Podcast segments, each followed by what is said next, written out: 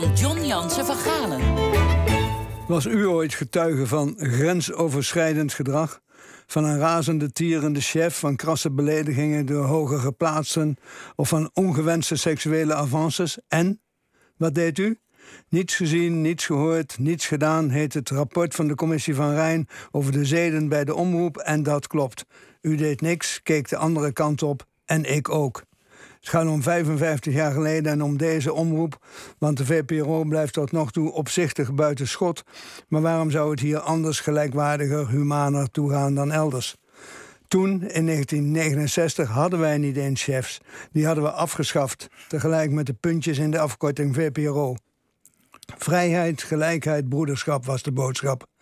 Er was nog wel een oudere man die chef heette te zijn, maar die feitelijk niks te zeggen had over de anarchistische Janboel die VPRO Vrijdag heette, zodat hij steeds vaker met een donkere zonnebril op naar de studio kwam. Het zogenaamde collectief was de baas. Wij allemaal dus. Met z'n vijftiende maakten we een roemrucht wekelijks radioprogramma van vijf uur lang. En ruimschoots voor aanvang zaten we met z'n allen rond de tafel om de reportages die onze collega's gemaakt hadden te beluisteren en jawel, in openheid en gelijkwaardigheid te beoordelen, of ze ook voor uitzendingen in aanmerking kwamen. Democratischer kon het al niet, toch? Maar het waren wel erg vaak dezelfde collega's van wie de bijdragen volgens het collectief drastisch bekort, dan wel beter helemaal gecanceld moesten worden. Vrolijke bijeenkomsten waren het, er werd veel gelachen, vooral om de losers die steeds aan het kortste eind trokken soms mannen, meestal vrouwen. Er heerste een heerschappij van de getapte jongens.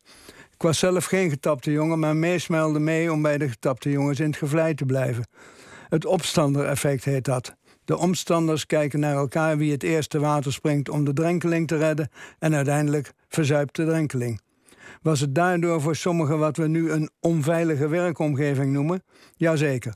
Maar dat besefte ik pas toen twee vrouwelijke collega's mij vertrouwelijk in de arm namen om hun nood te klagen dat ze, vergeef mij de beeldspraak, stevast het pispaaltje waren. Ik schreef een vinnige nota met als titel Collectief Amahula. Want in elke groep zijn sommigen nu eenmaal machtiger dan anderen en ze zullen hun macht ook botvieren. Zeker als er geen regels zijn die hen in bedwang houden. Dan kun je nog maar beter zo'n ouderwetse chef hebben en ouderwetse reglementen. Collectief, Amahula. Formeel waren we allemaal gelijk, maar niet heus. En sommigen waren continu het slachtoffer van een regime van de grote monden. En seks? Was er ook seks in het spel? Reken maar van yes.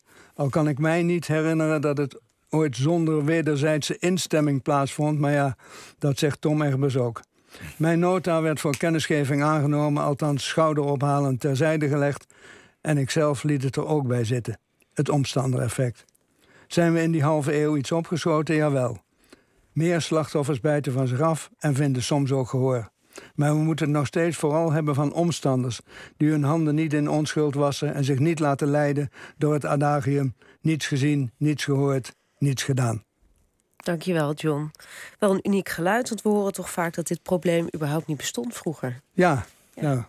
ik denk daar nu anders over. Amahula. Amahula.